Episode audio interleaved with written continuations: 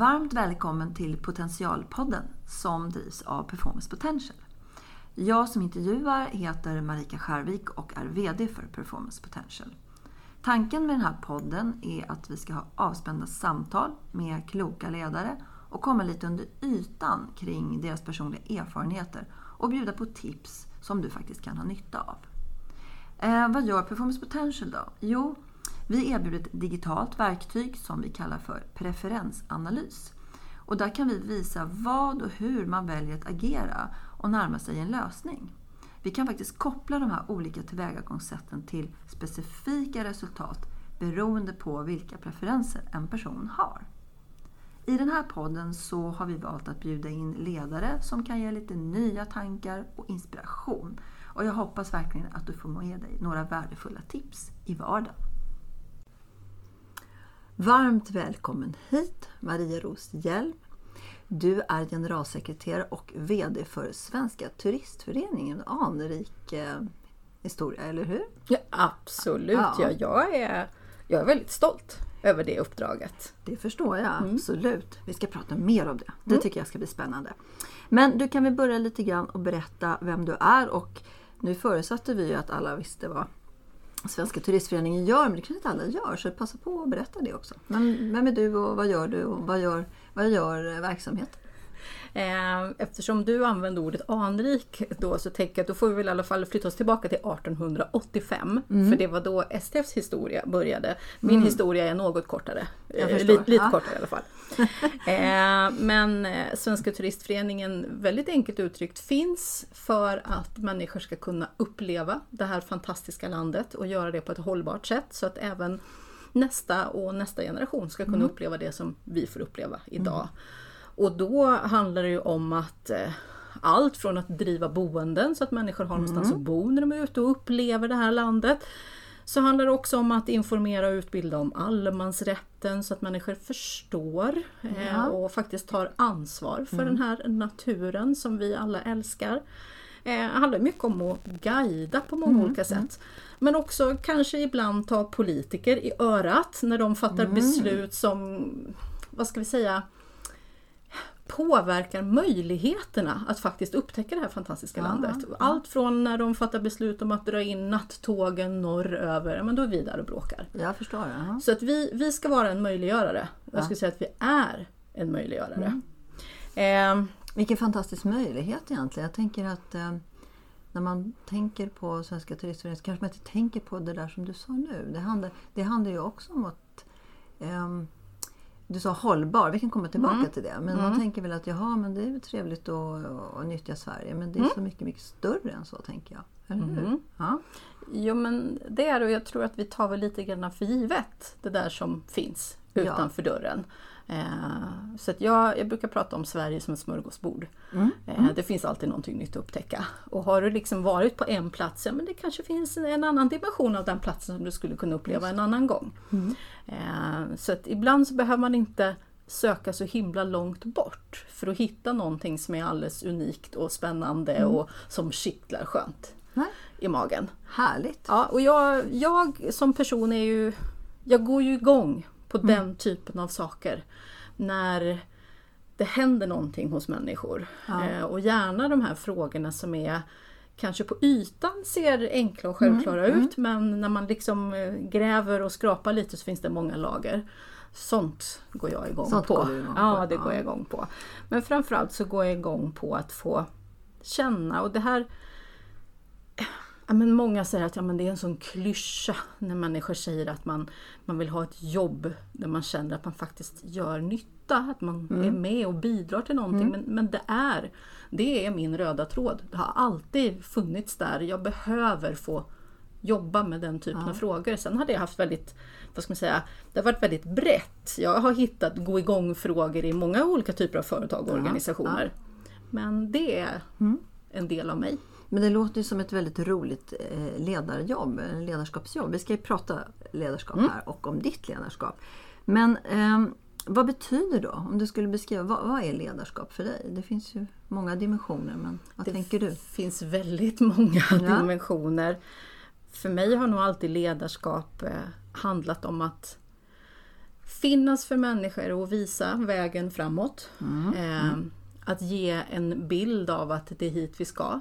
Och att få de olika personerna i det sammanhanget att känna att de har en roll att fylla i den där helheten.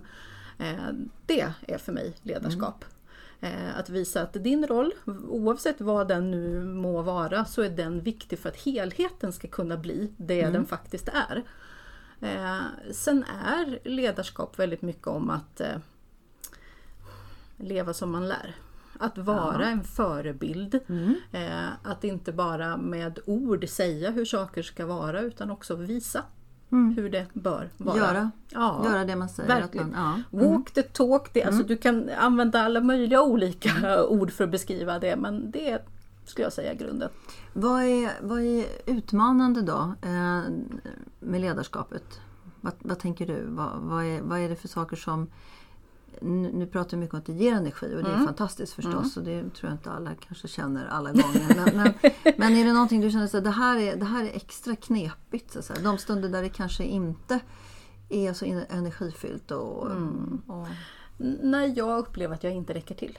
ja. Eh, När det är så många saker på mitt bord som faktiskt inte går att delegera till någon annan utan min funktion behöver vara den funktionen som löser de här sakerna. Och när jag ser att jag faktiskt behövs, min närvaro behövs även i andra situationer, då, så Då. är det ju, då, för då känner jag mig otillräcklig i min roll och det, Ja, ja. det suger ju tyvärr energi. Ja. Vad gör du då? då? Vad har du för botemedel mot det? Då går jag ut i naturen. Såklart. Nej men det är alltså jag ska inte raljera över det men för mig är det faktiskt så att det räcker. Eh, Det räcker att gå ut en kort stund, att stå och titta ut. Jag, jag har sagt det att jag tror inte att jag kan bo eh, långt ifrån vatten. För Nej, för mig är antingen gå rakt ut i skogen eller nära vatten. Mm. Så kan jag sitta där en stund och bara titta på vågorna och så hör jag lite fåglar och sen så kan jag liksom, ja, så Sen- laddar ja, jag om. Ja. Naturen har ju en väldigt Ja. läkande kraft. Eh, Det låter också som en floskel men om man, om, man, Ja. om man brukar den på ett gott sätt så brukar det faktiskt vara på det sättet. Mm, på det viset. Men det är väl kanske också därför som jag då tycker att det är så himla viktigt med det som STF och många andra organisationer gör också. Att prata om vad vi då måste göra för att värna de här sakerna. Eftersom det är uppenbarligen, för mig är det en miljö där jag kan hämta energi. Då behöver jag ju också fundera över vad kan jag göra då för att ge den här miljön Ja. rätt förutsättningar för att den ska finnas kvar där för mig. Absolut, absolut. Eh, Du var inne lite på det i början sådär, men ditt eget ledarskap, vad, vad känner du, vad vill du att det ska representera? Du snuddade lite vid det, men jag tänkte liksom reda ut det lite mer. Ja men jag vill ju... Man pratar om Maria som ledare, vad, vad, Ja, men då, då handlar det om säga? att Mm. peka ut en riktning. Och inte Ja. bara peka ut den utan också tydliggöra vad innebär den och vad är Mm. det vi, i vilken ordning ska vi göra saker och ting. ja. Mm. Eh, Så det finns en tydlighet kring det. Eh, jag ska säga inspirera på vägen för det handlar ju Ja. inte bara om att peka ut och säga att ja men nu har jag ju sagt att vi ska dit utan det handlar ju om att ständigt påminna. Och det kan ju vara under lång tid. Jag behöver ju vara den som ger energi hela vägen framåt. Inte bara fira de där stora liksom, milstolparna på vägen fram utan också uppmärksamma de där små detaljerna som kollegor, medarbetare gör runt omkring i organisationen och som faktiskt gör att vi på ett litet sätt tar oss närmare den där visionära målbilden. Det är viktigt. Det är viktigt. Ja. Ehm, Det är viktigt att vara lyhörd. Eh, Och då handlar det inte bara om att lyssna på vad människor säger utan lyssna på vad människor inte säger. Mm, Eh, att, att se vad som pågår i organisationen eh, för att fånga upp signaler. Och det handlar ju om en, vad ska jag säga, en, en närvaro. Om jag ska leda en organisation så kan inte min tid vara full av vad ska jag säga, tydliga arbetsuppgifter som jag ska leverera på. Jag måste också ha tid att vara i organisationen och lyssna på den och se vad som händer. Då kan jag vara en bra kan man- ledare. ja. Är det för lite, eller alla pratar ju om närvaro, men närvaro är ju ingenting som man hittar på. Så att säga. Det är någonting som kommer inifrån. Det är i alla fall vad jag tror. Har vi, är, för, har vi för, alltså, är vi otränade i närvaro eller är vi ointresserade av närvaro? Jag har Oh. funderat lite på faktiskt. Spänn, spännande Ja. fråga. Jag, eh, jag, jag var lite ledsen i morse. Eh, Jag läste resultatet av vår senaste medarbetarundersökning och då har jag en kollega nära mig som inte tycker att jag är tillräckligt närvarande. Mm.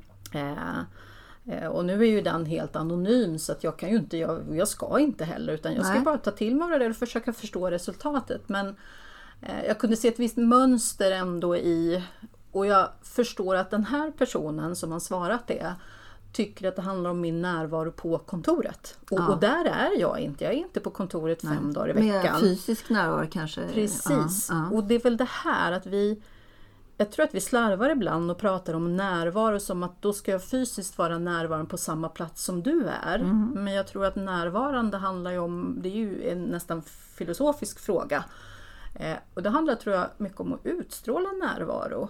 Mm. Att när, om du kommer till mig med någonting, om Mm. du ringer, skickar ett sms eller hugger mig när jag är på kontoret eller vad det kan tänkas vara. Om jag ser dig då och visar att nu är jag här för dig. Ja, då du är i stunden helt Då utstrålar jag närvaro. Ja, Och ibland kan det ju vara att jag faktiskt där och då inte har tid. Mm. Men då kan ju jag också säga att vet du vad, just nu ska jag, jag ska in i ett möte. Men kan jag få hitta dig om en stund. om en stund? Ja. Och då också se till att göra det. Då visar man närvaro, tycker jag. Vi kanske, jag tänker, vi, det är lite intressant nu när vi pratar, man kanske skulle man kanske behöver öva på det där med närvaro. Eh, tror du att det är någonting som man har naturligt eller tror du att det är någonting som ehm, som, som liksom... Mm, jag, det är bara, frågan slog mig nu på något sätt. Att det, att det skulle kunna vara så att närvaro är någonting som, som man har eh, med sig naturligt. Vad tänker du? Om det? Jag tror Ja. att det kanske handlar om hur du är i dina möten med människor. Mm. eh, Och vad du utstrålar. Eh, Och det är såklart att det kan du öva dig i. Men för alla människor tror jag inte att det kommer naturligt. Jag, jag tror inte det. Eh, Men det Närvaro kan ju också vara att, att vara närvarande i ett möte. Ja. Och, och visa med kroppsspråk att jag du kan, ju, du kan ju lyssna med öronen i ett möte men ditt kroppsspråk säger någonting helt annat. Att du verkar liksom mest sitta och vrida och vilja vara någon annanstans. Och då spelar det ingen roll att du säger att jag hör vad du säger. Därför att din kropp säger någonting Mm. helt annat. Och för en del människor så tror jag att det här kommer helt naturligt Mm. därför att man i grunden är intresserad Precis, av precis. andra människor. Man vill se, höra och förstå deras perspektiv. Ja, ja. Och för mig är det det är jätteviktigt. Jag vill helst ha människor omkring mig som är olika. Eh, Och framförallt som inte är som jag. Jag vill ju berikas av deras perspektiv och då måste jag ju också visa att jag vill ha det. Ja, precis. Det är ett sätt att inhämta, inhämta andra per- perspektiv egentligen, eller hur? ja. Ehm, när är du riktigt nöjd? Säg att du går hem efter jobbet en dag och så känner du den här, det här var en pangdag. Liksom. vad, vad har hänt då? Är det någonting som, några specifika saker som du kan peka på? Som, Frågar du min man så är jag aldrig nöjd. jag visste att du skulle säga det, men jag tänkte att jag skulle utmana dig lite. Nej, det är ett väldigt speciellt. Men när, du Ja. när du är så nöjd som du skulle kunna vara då, med, med, med, utifrån dig själv. Ja, men man, man kan ju, alltså jag, kan ju jag, är, jag är nöjd många dagar. Ja. Det kan ju vara för att eh, jag hade ett bra samtal med en person som gör att jag har liksom fått energi och kanske fått bekräftelse på att den personen känner energi. Det kan få mig att känna mig nöjd. Eh, en annan gång så är det ju att jag faktiskt har alltså, kommit en bit på vägen i en fråga som för ett halvår sedan kändes så komplex och så omöjlig att ta sig an att jag, liksom, jag visste inte ens vilken ände jag skulle börja. Och så kan jag just idag ha kommit till den där punkten att ah, nu vet jag hur jag ska, jag vet hur jag ska göra, jag vet hur jag ska ja, liksom. Ja, Då kan ja. jag vara nöjd. Ja, ja du ser. Ja, jo, nej men det, men samtidigt är jag, jag tror också att jag tyvärr är en sån där person som aldrig riktigt blir nöjd nöjd. Jag, jag vill hela tiden framåt. Mm. Man kanske inte måste vara nöjd, men man kan vara tillräckligt nöjd för att det inte ska vara Mm. Ja, energikrävande. min, så min säga. tidigare chef pratade om rimligt. rimligt nöjd. Rimligt är faktiskt ett bra ord eh, Ja. istället för lagom eller vad vi brukar Ja, ja. använda oss av helt enkelt. Ehm, jag tänker det, det är ju upp och nedgångar i ledarskapet. Det är alltid Mm. saker man, man ställs inför. Man får aldrig en lugn stund kanske, jag på att säga. Jo, det får man väl ibland. Men, men hur, hur, hur hanterar du de här lite svårare sakerna som kanske händer som inte bara är internt utan externt och så. Du har säkert varit med om någon sån situation. Har, har du någon sån där situation i din karriär där du kände att det där var riktigt, riktigt svårt och tuff och utmanande. Men wow, jag lärde mig av det. Jag har säkert Oh, flera, ja. men är det någon sådär som du verkligen skulle, det där har jag burit med, burit med mig. Har, har du någon sån eh, learning? Ja, det finns säkert massor. Är det någon du kommer på här sådär? Ja, ja, det kan jag säga. Jag, jag refererade för en liten stund sedan till min förra chef. Ja. Eh, men vi hade en situation, jag har ju jag har ju gått, vad ska man säga, den inre vägen. Jag har ju, det här är min andra roll inom STF. Så jag sökte ju aktivt. När tjänsten som generalsekreterare och VD blev ledig så sökte, jag Sökte, den. ja, ja. Eh, så när jag kom till STF så kom jag dit i en annan roll. ja. Eh, och vid ett tillfälle så var jag... Jag blev så oerhört besviken eh, på hur en situation hanterades. eh, och då var jag inte högsta chef. Jag kunde inte påverka den situationen fullt ut. ja. ja. Och jag upplevde att jag inte riktigt heller... Jag fick inte gehör för, för det som jag stod för. Och, Och det mig- du såg kanske också? Ja, och, och för mig var det en sån där situation att det här, eh, nu är jag väldigt nära till att faktiskt gå och säga att jag kan inte fortsätta här. Nej. Eh, Det blir en värderingsfråga helt ja, enkelt. Ja. och då, då tar det stopp hos mig. Ja. Eh, Hur löste du det då? genom att fundera en vända till på hur jag faktiskt skulle argumentera för det jag verkligen ja. trodde på och stod för. Eh, och det var en sån där viktig lärdom. Jag behövde hitta ett sätt att formulera det jag tyckte, kände, stod för Ja. på ett sätt som utgick från den andra personen som jag hade att göra med. Alltså vi var extremt olika. Eh, Mitt sätt att argumentera och mina argument landade ju inte. Ja, du, försökte, du behövde hitta nya, Ja, ny, behövde nytt språk helt nytt enkelt. språk Ja, och en ny väg in för att förklara. Och det var väl det att jag faktiskt behövde inse själv att jag ska inte argumentera för att vinna. Jag ska argumentera för att förklara. Ja, så bra. Mm, att jag ser att då i det här fallet min chef faktiskt förstår vad det är jag ser. Mm, Och när jag lyckades med det och vi kunde prata om det här utifrån att aha, du, okej, nu. Ja.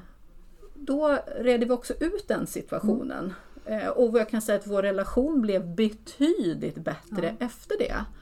Eh, så att, att ibland Har du använt dig av den där metoden efter det? För jag tänker det är ju också det, det är ju just det här att man, man har ju sitt perspektiv och det Ja. måste man ju ha annars blir man ju identitetsförvirrad brukar jag Ja. säga. Men att just kunna gå ur det och tänka hmm, hur tänker den andra personen och sen Mm. adaptera till det. Jag misstänker att du har använt dig av det några gånger. I, Det är jag helt Ja. övertygad om att jag Ja. gör fast jag Ja. kanske inte tänker på att det är det jag gör. Nej. Men då behövde du verkligen göra, Ja, göra det. då behövde jag Ja, göra det och ja. jag tyckte att jag hade ju redan, jag hade redan försökt, jag hade Mm. redan gjort, jag hade redan sagt allt jag kunde säga. Ja. Men jag behövde verkligen kliva ur mina egna skor, kliva in i någon annans skor. Och det tror jag är väl också väldigt viktigt i ledarskapet rent generellt. Att, Att klara göra av att kliva in i en annan människas situation. Att försöka förstå frågan, situationen utifrån den andra. Är det så du gör kanske när du hamnar i kris och, och eh, så? Om du tänker efter, kanske är så att det, det där är en bra metod? Eller ha, vad har du för metod? Jag menar, det, det är ju... I kris då är det bara att kavla upp ärmarna Ja. och, och kötta på. Eh, Så jag eh, klev ju in i den här rollen under pandemin. Ja. Eh, Och det var ju spännande i sig. Men jag tror att det snarare har att göra med eh, i genuin nyfikenhet att jag vill förstå andra perspektiv. Eh, Därför att jag tror inte att mina egna perspektiv alltid är de bästa. Eh, ibland är mina dig är de perspektiv det, men det- ja, m- såklart, Men men för ja. att komma framåt och få Ja. Mm. en hel organisation med sig så kan jag ju inte bara liksom lyssna till mitt eget. Eh, sen så bedömer jag nog att min magkänsla genom åren, som inte bara är en känsla, den bygger ju på erfarenhet, Absolut. ändå är ganska, den är ganska stark och grundad. Mm, Men jag är genuint nyfiken på att förstå, aha, hur, hur tolkar du det här? Hur Ja. uppfattar du den här situationen? Så det finns nog där i min grund. Och sen har jag insett att det är egentligen den enda vägen i konflikter, i kriser, i kaos. Det är enda sättet. ja, annars blir det ju svårt att kommunicera Ja. om man inte Ja. ser båda, båda delarna. Sen Vad- måste vad- det ju, så här, jag måste ju någonstans också grunda det i vad jag tror på, vad Ja. jag står för. Tror du, att vi, tror att vi står för lite för saker och ting? Ja, ibland tror jag det. Ja, att vi är som, ja vad tycker du? Eller ja, att vi är liksom, vi har, när Svenberg ska säga, kom, vår egen kompass är lite grann eh, ur spel många gånger. Kanske inte ur spel, men vi kanske inte tittar och lyssnar på Ja, så kan det kompassen vara. Så kan det vara, eh, tillräckligt ofta. Därför att ibland så tror jag, jag menar, du och jag sitter här och pratar om nu hur viktigt det är att vara lyhörda, lyssna på andras perspektiv, förstå och så vidare. Ja. Och det är det. Men du måste ju själv tro på någonting. Mm. Annars så kommer du uppfattas som en människa som bara vänder kappan efter vinden hela tiden. Och det måste finnas en, en grundriktning. Du måste veta vart din kompass pekar. Precis. Sen handlar det om att du kanske behöver fundera på vägen framåt i den Ja, där kompassriktningen och då behöver du lyssna, ta in andra perspektiv för att förstå hur ska jag få med mig alla? Men du har ju ett grunduppdrag i din roll, tänker jag. Absolut. Men jag tror också att ibland så tror jag kanske att eh, man har tittat så sällan på kompassen att man inte ens vet vad den visar. Så kan det också vara i vissa fall. Så kan, det, så kan det absolut vara. Och det, det där är så intressant för att jag, just det här begreppet magkänsla, att man går Ja. Mm. på magkänslan. Min magkänsla är ju inte samma idag som den var när jag var 25 år. Därför att magkänslan baseras ju på erfarenhet. Absolut. Ja, Och- ibland raljerar jag mig lite Ja. där och säger men Ja. magkänsla är ju faktiskt en, en samling av erfarenheter. Ja. Så är det ju. Och, och eh, reflektion över de erfarenheterna. faktiskt. Ja.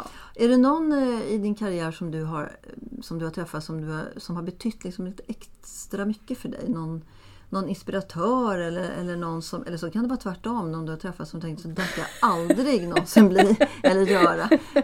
Men finns, Ja. det, finns det någon som Äh. person eller situation eller så som du, Faktiskt som du har haft väldigt stor nytta av kan man säga? väldigt många situationer men där specifikt en situation som jag har haft oerhört mycket nytta utav och det var faktiskt en, en, en organisationspsykolog. Ah. Jag sökte ett jobb Ja, som jag trodde att jag ville ha. Ja, Eh, och kom långt i den rekryteringen. Ja. Eh, och i slutfasen skulle jag då göra tester, Mm. som man ju gör. Eh, Men den här organisationen gjorde inte bara tester utan de lät mig också träffa en organisationspsykolog som gick igenom testresultaten Ja. och som verkligen stötte och blötte. Så att jag satt nästan en halv dag med den här personen. ja. Och det var det absolut bästa som kunde ha hänt mig, tror jag. Mm. Det var en person som ja, men hon satte fingret på vissa saker som jag Ja. själv knappt inte hade kanske reflekterat över. ja. Eh, Och det samtalet mellan oss två slutade i att hon talade om för mig att Maria, de kommer att erbjuda dig den här tjänsten men jag tycker att du ska tacka nej. Det var ju väldigt professionellt. Ja, men Kan man ju säga, absolut, Jag ja, fick ju ett ja, enormt ja. Mm. förtroende för den här personen och hon gav mig också tydliga argument för varför det här inte Mm. skulle vara en bra matchning. Och det där med att det ska vara en bra matchning, det har jag tagit med mig. Mm. Eh, Jag har valt mina chefer efter det. Ja. Jag har inte bara valt åh det här jobbet vill jag ha utan jag har också aktivt tittat på vad vill jag jobba med för människor för att det här ska bli så bra Mm. som möjligt. Jag använder det även när jag rekryterar Mm. numera. Eh, när jag vill, vill den här, tror den här personen som jättegärna vill ha det här Och drömjobbet. som är väldigt bra på olika sätt och Ja. vis. Men det kanske Kommer inte det blir... funka mellan Ja, oss? precis. För just nu har ju jag den roll jag Mm. har. Vi, gör, alltså vi, vi ägnar ju, det är ju min personliga uppfattning här kort, men vi ägnar ju väldigt eh, lite och, och alldeles för lite tid just det där med matchning. För det är lätt hänt att man blir, man, blir, ehm, man blir glad över att man kanske tror sig ha hittat ett jobb som är fantastiskt och det finns massa saker som gör att man tar de besluten. Och sen kommer man dit och så får man inte möjlighet faktiskt att vara eh, använda det som man har med sig. Eh, därför att man har misstolkat det eller man har inte förstått det. Eller så. Det där är ju enormt kostsamt. Både för personers eh, hälsa och för verksamheters liksom, Ja. fram, framtid egentligen. Ja, klokt där.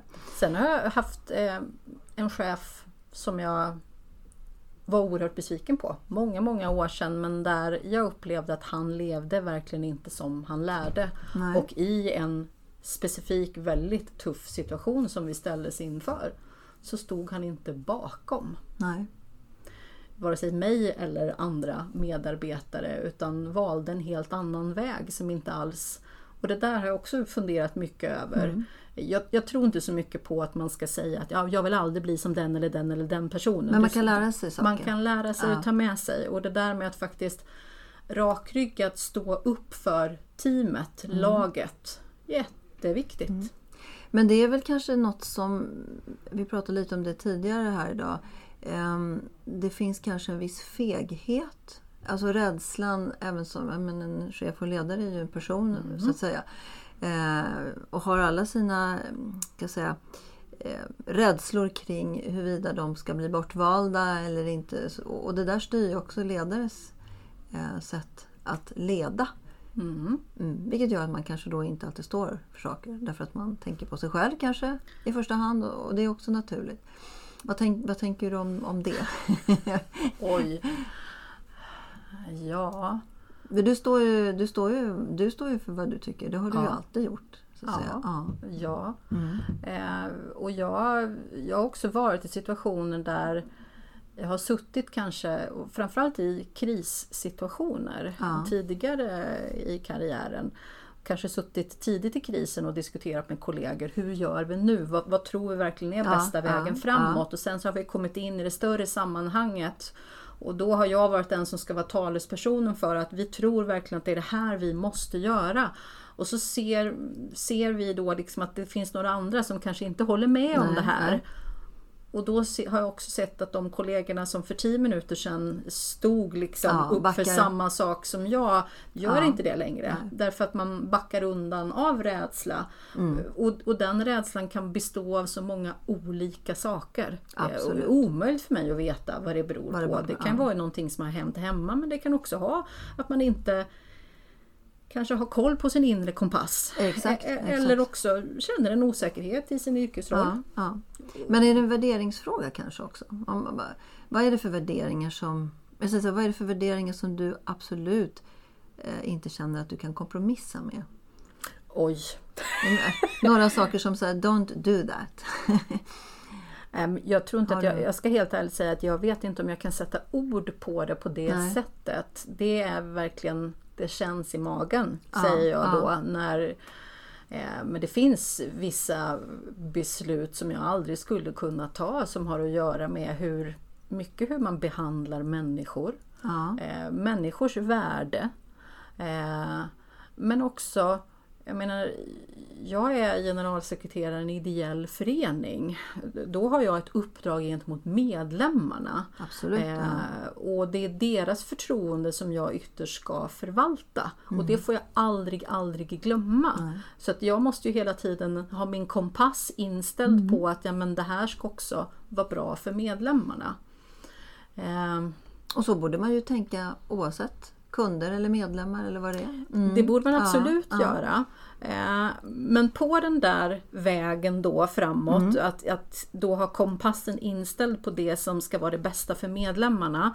Så finns det ju då en del som kan tycka att ja men då är ju medarbetarna, ja, då är de med andra ord inte lika viktiga. Nej, jag förstår. Jag tror ju fullt och fast på att för att ihop. lyckas med ett uppdrag så måste du jobba med dina medarbetare. Det går inte annars. Så det ligger ju i medlemmarnas intresse att ta hand om medarbetarna. För medarbetarna är resursen för att nå målet. Precis. Eh, Men det vet jag att det, det tror ju inte alla på och där, det, där har vi en Där har vi en grundläggande värdering, ja. som det skulle skava rejält för mig. Är det någonting som, eh, är det någonting som, du, som gör att du inte sover, eh, sover på nätterna? Du vet, ibland kan det vara viss, det är vissa saker som gör att man eh, behöver tänka och, och tugga, Mm. tugga, tugga, med, höll jag tugga get brukar jag kalla det för. Men är det något speciellt som gör det? Eller du, du sover som en stock? Är det någonting? Nej, det gör, Nej. det gör jag inte. Inte alltid. Är det någonting som är, Ja, men det stör dig finns, sådär? Ja, d- dels så kan det vara när jag faktiskt inte själv hittar vägen framåt. När, när en fråga är alltså helt ny. Jag har inte ställts inför det här tidigare. Du har inte hunnit processa helt nej, enkelt, och, nej. och genuint inte har landat i hur fasiken tar vi oss an det här. nej. Eh, och särskilt då om andra trycker på och vill ha Mm, snabba beslut. Det ska vara, men kom igen nu, nu måste vi köra. Och jag, nej, vi är inte riktigt mogna än. Då, Då, då, då, då, då kan ja. jag ligga. För då, då är det på något sätt som att min hjärna behöver då liksom få upp alla där. Mm. olika scenarios och så vidare. Och då kan jag å andra sidan bli väldigt nöjd när det, när Ja, det trillar ner. Och så bara, ah! Och det är väl, tror jag, insikten om att jag behöver inte lösa hela den där stora frågan på en gång utan det räcker att jag hittar en pusselbit som gör Ja. att jag kan ta första steget och känna Ja. att nu är vi på väg. Och då kan man fira det och då kan Ja. man få lite energi från att ah, nu Mm. har vi tagit ett steg. Jag har inte löst hela processen framåt men jag har tagit Nej, ett steg. Och det tror jag också är någonting som eh, jag har lärt mig genom åren. Eh, sen ska jag väl ärligt säga att jag kan absolut ligga och vrida och vända lite om jag har människor i min närhet i jobbrelationen där jag inte riktigt kan, vad ska jag säga, Hjälpa dem kanske? Nej, Eller, ja. nej. Mm. Och, och, och där jag känner att jag, jag kan vara chef, jag kan vara ledare, men det hjälper, Nej, inte. jag förstår. Mm. Då, då blir det svårt. Ja, ja. Nej men jag förstår verkligen det. Du, eh, vi kan ju prata i flera timmar du och jag. Det tror hur? jag säkert. Men jag tänkte avrunda lite. Jag, tänkte, jag har två, kanske två eller möjligen tre frågor, men i alla fall två. Om du fick leva om din karriär, skulle du göra någonting annorlunda då? Nej. Nej. Nej, för att jag tror ju att det som gör att jag sitter här idag och kan prata om de här sakerna, att jag har den roll jag har idag som jag är genuint väldigt, väldigt glad och stolt över att ha. Det är ju allt det samlade jag har gjort innan Ja. nu. Och skulle jag bara förändra en liten, liten del i det så vet jag ju inte om jag skulle ha suttit här idag. Nej, och jag är sant. väldigt nöjd över att sitta här idag. Så att, Ja. eh, Sen såklart, det finns väl situationer där jag kanske borde ha agerat annorlunda men om jag hade gått och ältat dem, då hade jag lagt energi tror jag på fel, Fel saker. Lärdomar har jag dragit massor, men Mm. de har jag ju kunnat dra för att jag gjorde på ett sätt i en viss situation. Så då är det väl bättre att ta med sig lärdomen än att säga att jag skulle vilja gjort om det, Ja, eller tänker hur? jag. Har du några, så avslutningsvis, har du några råd du skulle skicka med? Som du skulle vilja skicka med? Var dig själv. Var dig själv, ja. Alltså, jag har gått massa olika ledarskapskurser, träningar, program, haft coacher och mentorer och så vidare. Eh, och jag har plockat upp massa bra delar i det mesta jag har varit på. Eh, men det måste lira med dig själv, därför att det blir inte trovärdigt annars. Du behöver hitta din roll i alla de här olika teorierna eh, och processerna och så vidare. Då blir det trovärdigt och då kan Ja. du stå för ditt ledarskap. ja. Så våga vara dig själv. Och Gränsen mellan personlig och privat, den ska man hålla på. Men att våga vara personlig i sitt ledarskap, det har hjälpt mig. Eh, Jag tror på det. Det kanske inte heller passar alla, men det passar mig. Nej, nej. Det var en väldigt bra råd. Ja. Jag tänker, du har sagt många bra saker men några som jag plockade upp här. Det ena var ju närvaro. Alltså Mm. att, och närvaro handlar ju då om att vara där i stunden och Mm. se vad som sker. Om, jag nu, om jag får översätta Ja, närvaro, du får ja, säga ja. om du inte håller med mig då. Och sen tänker jag det andra var också, eh, det här med den inre kompassen. Mm. Att försöka hitta den. Eh, och gör man inte det får man leta ett tag till Mm. för att få fram det helt enkelt. Man kanske behöver kalibrera kompassen Kalibrera kompassen kan man göra. Mm. Och sen så är det någonting annat också tycker jag, att man inte behöver lösa allt på en gång. Nej. Att, ha, eh, att vara tålmodig men ändå kunna vara otålig. Ja, jag, de orden har jag nog inte satt på det Mm, jag själv. tänker men, du är lite ja. otålig, eller hur? Ja, men ja. du är också väldigt tålmodig. Ja, det kanske faktiskt är. Jag tänker så. Ja, det är inte ett ord som jag själv kanske, men eh, när du, när du säger det på det sättet. För det är väl en, ett sätt att hantera de här stora komplexa sakerna. Ja. Man kan vara otålig och Ja. tålmodig Ja, samtidigt. vad skönt. Ja. Ja. Vilket härligt samtal Maria. Tack snälla. Vi får prata mer sen Ja. tycker jag. Det låter som tack Eh, själv. Tack för att du kom hit. Tack. Mm.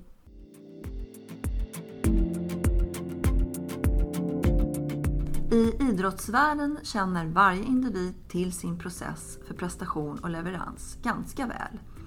Men i näringsliv och organisationer är det ofta en otränad och kanske omedveten kunskap. Performance Potentials digitala verktyg, som vi kallar för preferensanalys, används just för att ta fram teams och organisationers sätt att leverera. Och sen matchar vi det med kundernas krav på agerande. Genom den här metoden får både individer och organisationer en möjlighet att nå sina mål och få bästa utfall av sina planer. Därför att man på förhand faktiskt kan förutse hur människor kommer att agera. Så hör gärna av dig så kan vi berätta mer om hur det går till.